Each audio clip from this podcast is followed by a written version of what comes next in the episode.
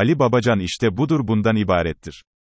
Ali Babacan, AK Parti hükümetinin bakanı olarak, Gezi Parkı davalarında, mağdur sıfatıyla şikayetçi olmuş. Bugünlerde çok demokrat, aşırı liberal, fena özgürlükçü takılıyor ya. Kendisine, sen niye gezi olaylarında davacı olmuştun? diye sorulduğunda, şu cevabı vermiş. Ben davacı değildim, şikayetçi değildim, mağdur da değildim. Savcı, tek taraflı olarak bütün bakanları mağdur olarak değerlendirdi. Araştırdım, davadan çekilmek kanunen mümkün değildi. İşte bugün buradan savcılara sesleniyorum. Ben bu davanın mağduru değilim. Silin benim adımı. Aman da aman. Nasıl da sıyrılırmış işin içinden. Pes valla. İyi ama Sayın Ali Babacan. Madem şikayetçi değildin, madem mağdur değildin, madem davadan çekilmek kanunen mümkün olmadığı için davadan çekilemedin. Savcılara, silin kardeşim benim adımı bu davadan diye seslenmek için ne diye bunca zamanın geçmesini bekledin ki? AK Parti hükümetinin bir bakanı olarak, ekranlara çıkarak, savcılara, ben mağdur değilim, ben müşteki değilim, ben davacı değilim. Benim adımı buraya yazan savcılara sesleniyorum. Silin benim adımı diye seslenmedin ki. Neydi seni tutan? Neydi seni böyle mertçe bir tutum almaktan alıkoyan? Neydi seni hiçbir şey yokmuş gibi davranmaya iten? Size bir şey söyleyeyim mi?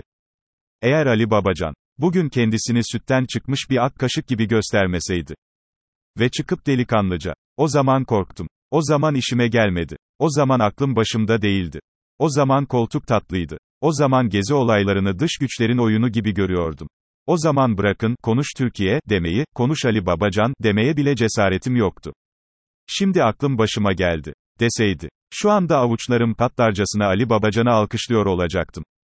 Ama Ali Babacan, asla böyle bir tavır koymaz, koyamaz. Çünkü ontolojik olarak böyle biri değildir. Ali Babacan budur ve bundan ibarettir. Bazen ben de böyle olurum. Ben de bazen şöyle olur. Ağır abilere özgü çok esaslı, çok sunturlu, çok okkalı bir laf etmek için yanıp tutuştuğum bir anda. Fena halde manasız kaçan, altı boş, kimseyi titretmeyen ve hiçbir etki yaratmayan bir cümle kuruveririm. CHP lideri Kemal Kılıçdaroğlu da.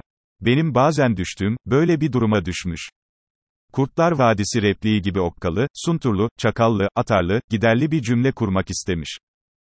Ve şöyle demiş. Çakalların bulunduğu yerde kimse bize bir şey söyleyemez.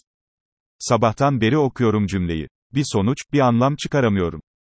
Meydan okumak istemiş ama olmamış. Çakallı bir cümle kurmak istemiş ama başaramamış. Atar gider yapmak istemiş ama yapamamış. Üzülmesin Kemal Kılıçdaroğlu. Bazen ben de, bir çakallı cümle kurayım da dillere pelesenk olsun diye çok heveslenirim. Ama bir türlü başaramam. Tehdit andı. Haydi Türkiye. Yeni bir andımız olsun. Gelin, hep beraber şöyle bir ant içelim. Bugünden itibaren. Tehdit kimden gelirse gelsin. Tehdit kime yönelirse yönelsin. Tehdit edenin de tehdit edilenin de kimliklerine zerre kadar bakmaksızın.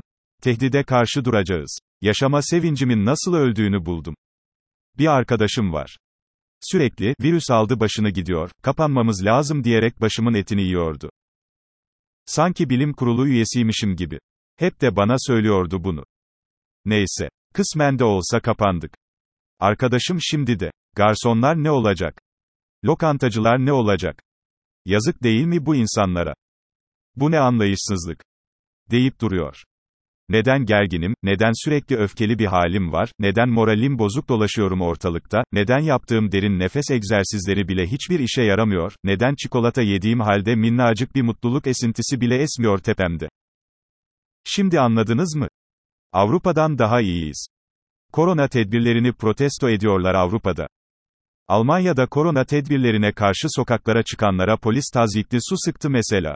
Tedbirleri anlayışla karşılamak, tedbirlerin bizim sağlığımız için alındığını kabul etmek, tedbirlerin bilimsel olarak gerekli olduğunu özümsemek açılarından. Bizim ahalimiz çok daha ileri bir noktada. Oh be! Hep Avrupa'dan daha ileri noktada olduğumuz bir konuyu yazmak istemişimdir. İşte yazdım, yazabildim. Ümit Özdağ hükmü. İki uzun program yaptım Ümit Özdağ'la. Çıkardığım bir sonuç var. Söyledikleri, iddia ettikleri, öne sürdükleri hakkında bir hüküm veremem ama şu konuda net bir hüküm verebilirim. Bir istikbal arzusu yok Ümit Özdağ'ın. Birileri adına operasyon çekmiyor. Gelecek için kendisine bir yer açmaya çalışmıyor. Samimiyetle inandığı ve ikna olduğu hususları yine samimiyetle ortaya koyuyor.